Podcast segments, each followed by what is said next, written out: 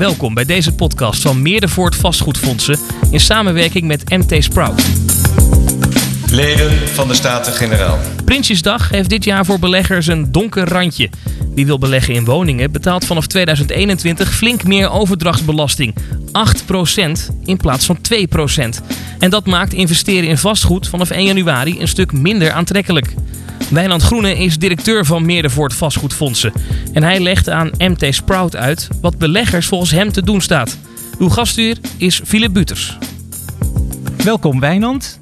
Leuk uh, dat je vandaag bent aangeschoven. Dankjewel. Het is, het is een bijzondere Prinsjesdag natuurlijk. En uh, waar het echt om gaat is, is die maatregel. Die, die differentiatie heet het geloof ik van, van de overdrachtsbelasting. Hoe, hoe ziet dat eruit in grote lijnen? Nou, de plannen waren natuurlijk al uh, even uitgelekt. Dat gebeurt vaker. Um, waar het op neerkomt is dat uh, de overdrachtsbelasting die was in 2011 verlaagd van 6% naar 2%. en ze hebben nu besloten om de overdrachtsbelasting voor mensen die investeren in huurwoningen te verhogen van 2 naar 8 procent. Uh, ook zakelijk vastgoed te verhogen naar 8 procent. Dat is nu 6. Dat gaat naar 8. En voor starters, die worden gedefinieerd als mensen tot 35 jaar, um, die krijgen 0 procent. Dus een cadeautje, 0 procent overdrachtsbelasting. Ja, dus dat betekent dat die starters, die zijn nou ja, misschien minder geld kwijt. Hoeven minder eigen geld mee te nemen om een woning te kopen. Maar dat wordt dan betaald door de eigenlijk de, de, de, investeerders in, in, in huurwoningen en woningen voor de verhuur. Ja, daar, uh, daar komt het eigenlijk op neer. Dat is, uh, um, ja, ze, hadden natuurlijk uh, al de, woningprijzen zijn sinds de, vorige financiële crisis in 2008. Iedereen die heeft het nog wel op zijn netvlies. flink gedaald tot, tot aan 2013, vijf jaar rij. en toen heeft Mark Rutte gezegd van we gaan om de, de woningmarkt vlot te trekken, gaan we de overdrachtsbelasting van 6% tijdelijk voor één jaar, hè, één jaar verlagen naar 2%. Ja, nou, dat en, is uiteindelijk... Weet, en hoe gaat het met tijdelijke maatregelen? Die... Ja, die, die zijn vaak natuurlijk uh, uh, niet, niet, niet tijdelijk. Precies. maar nu wordt dat dus eigenlijk alsnog weer, weer teruggebracht. Um, maar ik moet zeggen, wel, wel fors hoor, want, want 8%. Dat is nogal wat. Ja, precies. Wat, wat vind jij daarvan? het is leuk voor de starters, maar, maar ja, jij bent toch specialist en, en, en namens jouw klanten ook belegger in, in woningen voor de verhuur het gaat ineens naar 8 procent. Ja, ik kan me voorstellen dat je er niet om staat te springen. Deze, Kijk, deze allereerst, ik vind het heel sympathiek dat, dat de overheid uh, probeert om uh, starters te helpen die, uh, die nu ja, heel moeilijk een starterswoning kunnen vinden. Ja. Dat vind ik heel sympathiek. En ehm, een mooie gedachte om dan te zeggen, nou, die, die willen we um, helpen door de overdrachtsbelasting naar 0% te verlagen. maar wat er in de praktijk gebeurt door zo'n maatregel, dat betekent als nu 10, 20 mensen staan te bieden met een aankoopmakelaar in een, voordelige koopwoning. Um, ja, dan, uh, dan wordt er al overboden vaak. Uh, maar nu, mensen die hebben uitgerekend wat ze kunnen lenen, hebben nu 2% meer speling. Dus kunnen ook 2% meer bieden. En dat betekent dat de woningen in ieder geval al met 2% stijgen in, in die categorie. Aan de andere kant heb je 50% van de woningen is koop in Nederland. 50% van de woningen is, is, is huur. Het percentage heb ik niet exact, maar laten we zeggen dat het ongeveer 50-50 is. Ja. En als je de prijs van huurwoningen um, uh, verhoogt met, met 8%, dat betekent dat als zo'n huurwoning uh, op de markt komt voor koop, dat zo'n huurwoning eigenlijk al gelijk 8% duurder is geworden. Ja, want die, die 8% dat is het, wordt het nieuwe tarief volgend jaar voor die, voor die uh, overdrachtsbelasting. Maakt dat een huurwoning ineens 8% duurder? Dus betaal je daar 8% meer huur? Of? Nee, dat niet. Um, maar het, het, gaat om uh, portefeuilles met huurwoningen. De, de pensioenfondsen die beleggen uh, pensioenfonds, uh, of geld van, van hun leden in, ehm, in huurwoningen, in blokken met huurwoningen. Ja, en als die moeten worden verkocht, dan wordt natuurlijk de, de prijs die is betaald uh, ook weer doorberekend aan de volgende koper. Ja, dat, dat moet terugverdiend worden. Dat dus je ziet dan worden. een extra huurstijging eigenlijk. Dat wordt versleuteld in de huur. Nou, kijk, de huren die kunnen natuurlijk maar met een uh, maximum percentage per jaar stijgen. Uh, maar een, be een, belegger of een pensioenfonds of een coöperatie die zo'n portefeuille huurwoningen koopt, die zal natuurlijk wel een inhaalslag willen maken met de huren. Um, dus die, die, die zal dan wel kijken van ja, hoe kan ik de huren in een wat sneller tempo gaan verhuren de komende periode. Ja, ja, of kan verhogen de komende periode. Ja, toch het maximum opzoeken. Nou, voor de starters, ja, dat heb je net uitgelegd. Een woning wordt niet meteen betaalbaar als iedereen tegen, me op, uh, tegen elkaar op blijft bieden. En voor de, voor de investeerders in, um, in woningen voor de verhuur, die zijn 8% meer kwijt. Wat, wat zijn daarvan de consequenties? Wat, ja, wat, wat adviseer jij mensen die, die op zoek zijn naar nou ja, toch eens een keer iets anders dan een spaarrekening zonder rente of uh, een beurs die al hartstikke hoog staat en een dividend dat, dat toch een beetje achteruit loopt nu? Kijk, ik vind, ik vind het, uh, enerzijds vind ik het een begrijpelijke maatregel. De huizenprijzen die zijn gewoon erg hard aan het stijgen. Um, dus op, op, het moment dat je zegt van ik ga die 2% weer terugbrengen naar 6 bijvoorbeeld, had ik dat een, prima maatregel gevonden ook. Um, maar je gaat niet voorkomen dat de huizenprijzen de komende jaren verder gaan stijgen.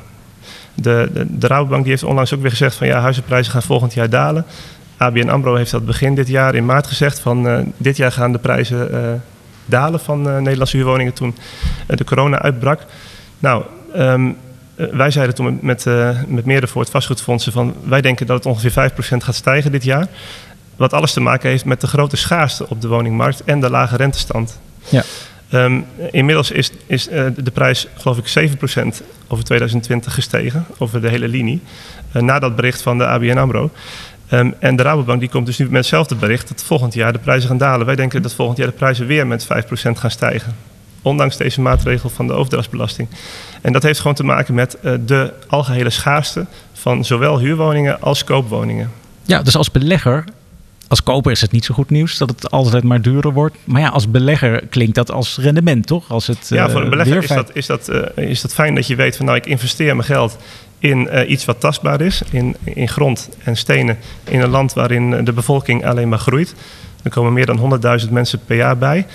Um, en de doelstelling is om 75.000 woningen bij te bouwen elk jaar. Nou, dat wordt nu al een tijdje niet gehaald. Um, nou moet ik wel zeggen dat uh, minister Olongre uh, goed bezig is in die zin dat ze nu uh, grote subsidiepotten beschikbaar stelt aan woningcoöperaties en aan bouwers, zeg maar, om toch versneld een aantal nodige huurwoningen op te leveren de komende periode. Ja. Um, en, en, koopwoningen. Dus daar wordt wel wat aan gedaan. Maar dat is de enige manier om de, de prijsstijgingen tegen te gaan zolang die rente laag, laag blijft. En ik moet wel even zeggen dat die rente, dat is een sluipmoordenaar. Um, want die rente is sterk gekoppeld aan de prijs van de woning. Hè. Dus als de rente omhoog gaat, dan gaan de prijzen van woningen omlaag. Ja. Um, die moet je in de gaten houden, die rente. Nou, zolang die rente uh, laag is, en het ziet er naar uit dat die heel lang nog laag zal blijven, vanwege ook de crisis die aan de gang is, um, heb je te maken met een markt waarin er veel meer vraag is dan aanbod. Ja. En dan hou je gewoon de prijsstijgingen eigenlijk niet tegen. En dat geldt eigenlijk voor zowel koopwoningen als huurwoningen. Dus als belegger op lange termijn, dit klinkt inderdaad, eh, prijzen stijgen is volgens mij goed voor mijn rendement. Mm -hmm. Maar nu die 8%, krijg ik die nu echt voor me kiezen als ik, als ik ja, op zoek ben naar uh, investeringen in, in te verhuren woningen? Nee, dat is, nou, dat, dat is nou mooi ook om te vertellen. Kijk, mensen die uh, investeren in woningen, die doen dat altijd voor een lange termijn. Ja. Dus je moet een woning niet kopen om daar één jaar uh, in te wonen of om dat één jaar te verhuren.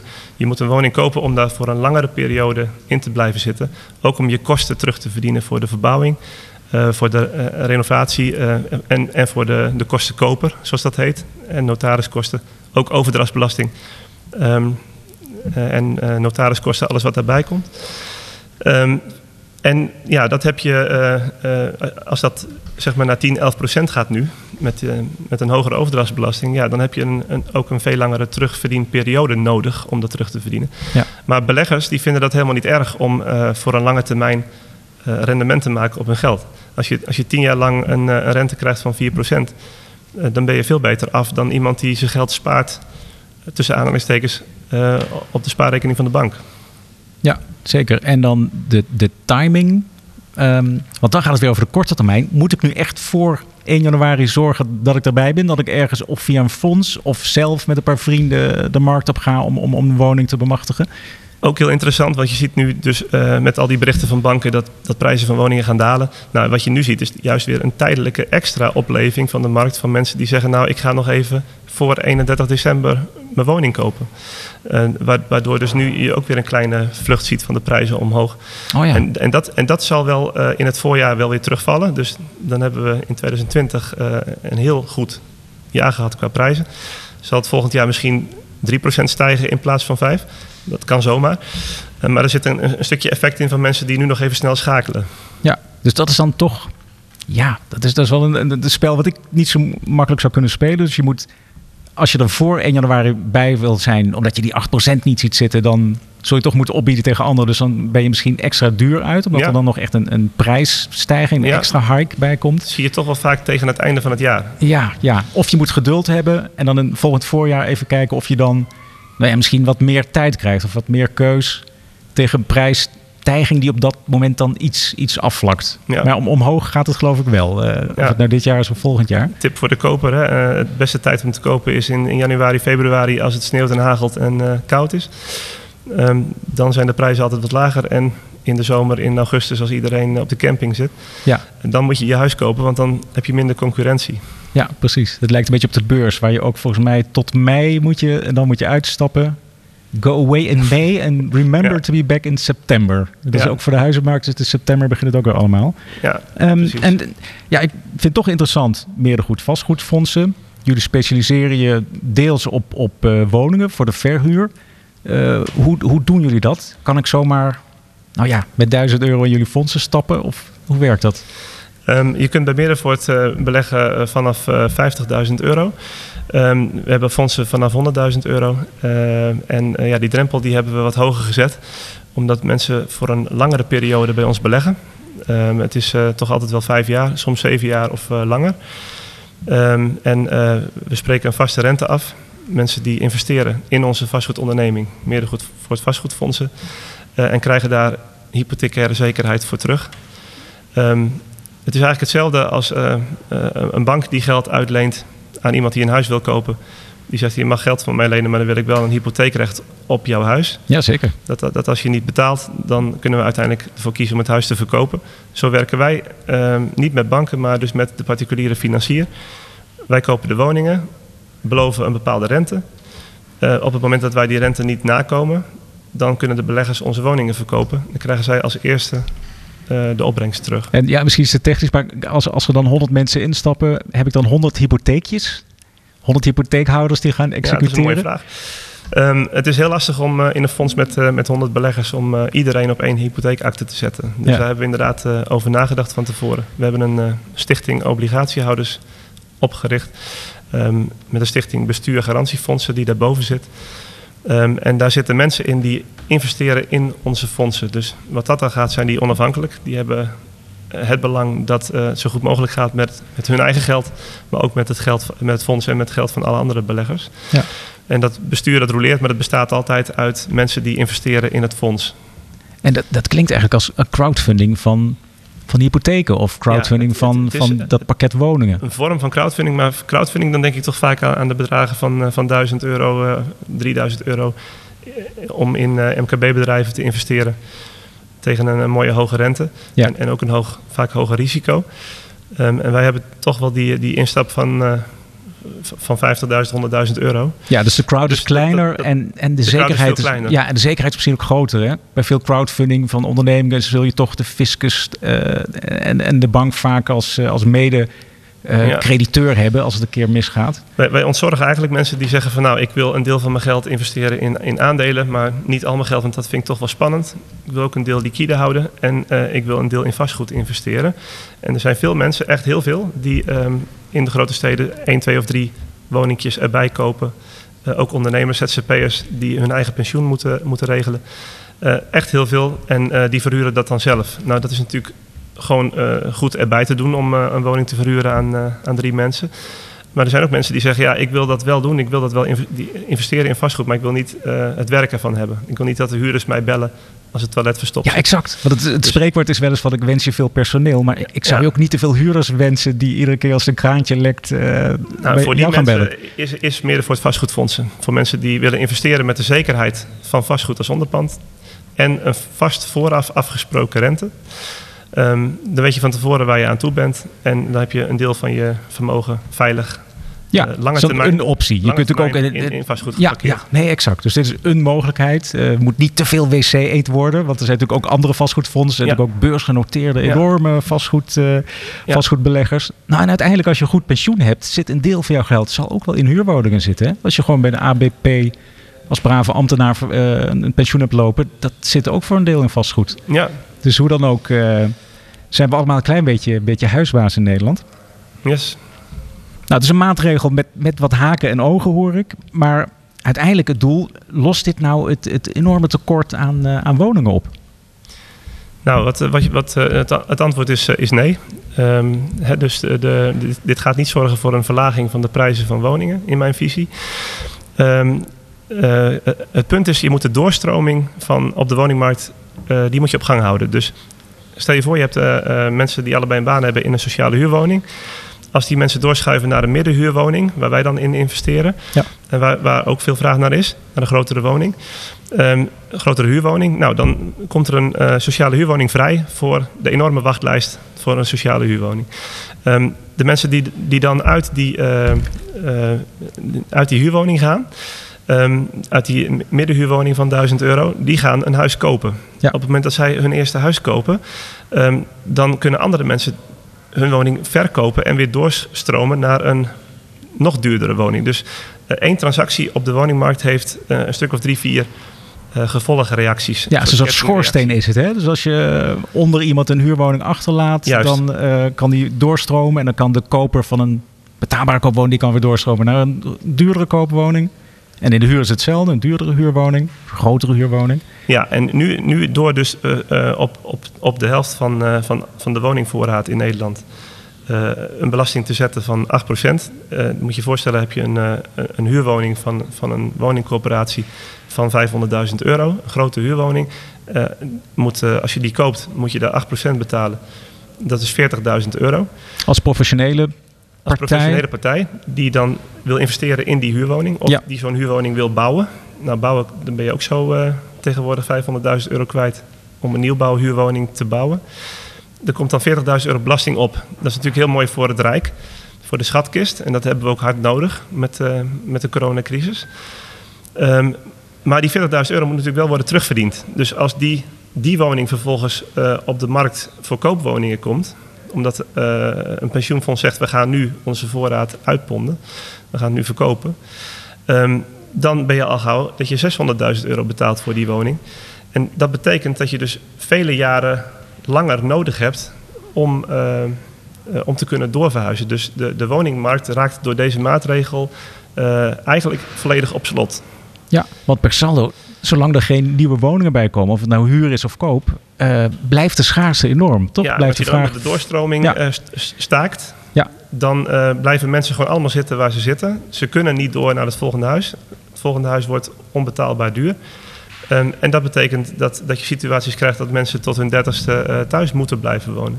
Ja. Nou, nogmaals, de enige oplossing is bouwen met een groot, laten we het deltaplan noemen, bouwen vanuit het Rijk. Dat is, zie ik als enige oplossing. Ja, dat, dat zou mooi zijn. Dus die centrale regie. Um, ik kan me ook voorstellen dat jullie juist ook als vastgoedonderneming... Um, ja, misschien ligt er voor jullie ook een taak om toch maar echt nieuwe huurwoningen te gaan bouwen. Ja, ja, zeker. Nou, wat wij het liefste zouden doen, en dat is het, uh, het bouwen van, uh, van, nieuwe, van uh, nieuwe woningen aan de nieuwe woningvoorraad. En daar ligt dus, dus echt ook een levensgroot probleem. Um, we hebben de milieueisen, laat ik het zo noemen. Uh, CO2-eisen, normen PFAS, uh, stikstof, uh, geluidsisolatienormen, HR++, duurzaam, nul op de meter. Van het gas af, ik kan echt doorgaan en doorgaan. En er zijn alleen maar eisen en eisen bijgekomen waar woningen, nieuwbouwwoningen allemaal aan moeten voldoen. En dat is allemaal heel mooi natuurlijk, heel, heel groen, heel goed uh, bedacht allemaal. Uh, maar daarmee maak je de prijs van het bouwen van zo'n woning uh, onbetaalbaar hoog. Um, en dat betekent dat als je een, een, een woning van nou, 300, 400, 500.000 euro, want het begint al echt vanaf 300.000 euro, onder de 300.000 euro kun je al niet eens bouwen. Als je dat wil gaan verhuren, dan moet je dus een huur vragen van 2000 euro eh, of meer. En niemand die kan dat betalen. Bijna niemand kan dat betalen. Alleen de rijkere huurders kunnen dat betalen. Ja, dat, dat zijn de expats in de grootste steden. Ja, ja dat zijn ook niet uh, honderdduizenden. Nee. Dus um, wij willen dat heel graag, maar de, de, de exploitatie, als je met een huur rekent van, van, van, van 700, 800, 900 euro, de, de exploitatie die, die wordt eigenlijk negatief. Die wordt niet eens nul, maar die wordt negatief. Um, als je rekent met een, met een rekenrente van, van 2, 3 procent, nou, dan heb je de, de onroerend zaakbelasting, uh, je hebt de onderhoud op je woning, als, als eigenaar corporatie of als belegger. Ehm, en ja, na onderhoud en na rente en aflossing zit je onder de nul, wat je dan overhoudt. Dus ehm, daar, daar ligt ook een grote uitdaging van hoe kunnen we nou zorgen dat, dat bouwen weer betaalbaar wordt. Misschien moeten we aan al die eisen moeten we ook eens een keer wat doen. Dat zijn de eisen. En dan heb je ook nog, um, ja, krijg je de kans om iets te ontwikkelen. Hè? Want dat is natuurlijk, grond is ook schaars. Gemeenten en omwonenden stellen ook allerlei eisen, waardoor het aantal kavels, ja, dat, dat, dat loopt ook niet over. En je hebt te maken met gemeentes en elke stad uh, heeft een bestuur en uh, een partijstelsel. en op het moment dat je ergens een bouwlocatie aanwijst, dan, uh, dan is de ene partij die zegt van ja, ik wil niet dat er naast dat park gebouwd wordt. Eh, de andere partij zegt ik wil niet dat er hoger dan de Dom wordt gebouwd, bijvoorbeeld in Utrecht. Um, en de, een ander zegt weer ja, er moeten minimaal uh, twee parkeerplekken zijn bij, bij een woning. En uh, dan heb je nog de, de, inspraak van alle omwonenden die dus dat proces kunnen tegenhouden. Waardoor je ja, na, na drie, vier jaar verder te zijn niet van de grond komt met je project. Ja. Dus er, er is gewoon uh, in zijn algeheelheid te veel regelgeving en te veel inspraak. Ja, dat blijft een moeizaam verhaal. Dus jouw boodschap aan de overheid is, is duidelijk. Maak het makkelijk. En, um, ja, neem die centrale regie. Maar natuurlijk veel belangrijker is jouw boodschap voor, voor, voor beleggers. Voor mensen die, die wat rendement zoeken. Naast een spaarrekening of, uh, of, of aandelenfondsen. Um, als je het even kort uh, nog een keer mag zeggen. Wat, wat moeten beleggers nu doen met deze informatie? Het is Prinsjesdag. Die ja. overdrachtsbelasting verandert. Wat, wat er aan de hand is, is de, de, de Europese Centrale Bank is heel erg veel geld aan het uh, uh, bijdrukken en is heel erg veel geld aan het creëren en aan het uitlenen tegen negatieve rentes aan overheden om uh, de crisis te bezweren. Ja. Dus er komt ontzettend veel geld in omloop en het meeste van dat geld komt terecht bij mensen die dan zoeken naar wat, wat kan ik dan met het geld doen en dat gaat naar de beurs. En dan zie je dus de beurskoersen omhoog vliegen koers-rendementverhoudingen die zijn helemaal weg. Ja. De risico's die worden steeds meer groter dat dat een keer uh, weer, weer gaat klappen. Um, dan moet je kijken van nou, oké, okay, ik, heb, ik heb mijn spaargeld, ik wil er zuinig op zijn. Er is inflatie. Um, hè, dat is ook uh, de manier hoe bereken je inflatie. Maar als de huizenprijzen met 5% stijgen per jaar en de huren die stijgen met 3, 4% per jaar. Um, ja, dan, dan stijgen de huren eigenlijk minder hard dan de prijzen van de huizen. Um, en in de, in de supermarkt worden alle prijzen duurder. De, de, de lonen worden duurder. Uh, bouw, uh, bouwers, aannemers, personeel. Alles, alles wordt maar duurder en duurder. Dus er is al inflatie. Mm -hmm. um, die inflatie die gaat de komende jaren ergens een vlucht nemen. Zodra uh, de crisis bezworen is, dan gaat dat een vlucht nemen. En dan wil je je geld beschermen tegen die inflatie aandelen blijft spannend, vind ik. Dus daar kun je een deel in stoppen, maar niet alles. Je moet spreiden. Ja. Je moet spreiden. En uh, het voordeel van, van uh, investeren, beleggen in vastgoed is dat het tastbaar is. En het is uh, een stukje grond. Hè? Het is schaars, zeldzaam in Nederland met een woning erop. Ja. En daar is behoefte aan. Mensen die willen een woning om in te huren, willen een woning om te kopen. Um, net als mensen die, die investeren in grond. Zeggen, nou, ik, ik, ik koop een stuk grond en ik kijk wel over 20 jaar. Nou, reken maar dat door een inflatiedoelstelling van 3%, um, 2, 3% is de inflatiedoelstelling. Nou, als je dat over 10 jaar neemt, dan zit je al aan 30% uh, pure inflatie, geldontwaarding. Dan daar heb je met je stukje land heb je daar geen last van. Ja. En het voordeel van een woning is dat er ook nog rendement komt uit de huur. Ja. Ja. de huurstroom. Ja, dat is het bekende spreekwoord, hè? Stenen en kluiten. Ken jij het spreekwoord nog? Stenen en kluiten brengen bergen ja. met duiten of zo. Uh, maar goed. Dat is een oude. Dat is een heel oude. Maar, maar oké. Okay. Dus maar jij zegt, het kan toch nog steeds interessant zijn. Investeren ja, in vastgoed, in woningen voor de verhuur. Je je geld tegen inflatie. Ja, en die 8% is dan, uh, ja, dat, het lijkt een berg natuurlijk. Het is een verviervoudiging van, van wat het was. Maar dat, dat Jij zegt, laat je daar niet door afschrikken nee, als, dat, als dat belegger. wordt verdisconteerd in, uh, in, in, in, de looptijd. En uh, die looptijden die zijn bij vastgoed altijd lang. Ja. Uh, dus dat neem je mee in je beginberekening. Ja. En nou ja, dan heb je dus een exit over vijf tot tien jaar. Oké, okay, tot nu toe duidelijk verhaal, goede uitleg. Dus die, die maatregel, die, die 8% overdrachtsbelasting, wat toch echt een verviervoudiging is, dat, dat hoeft op zich voor, voor beleggers en investeerders niet, niet een al te groot probleem te zijn.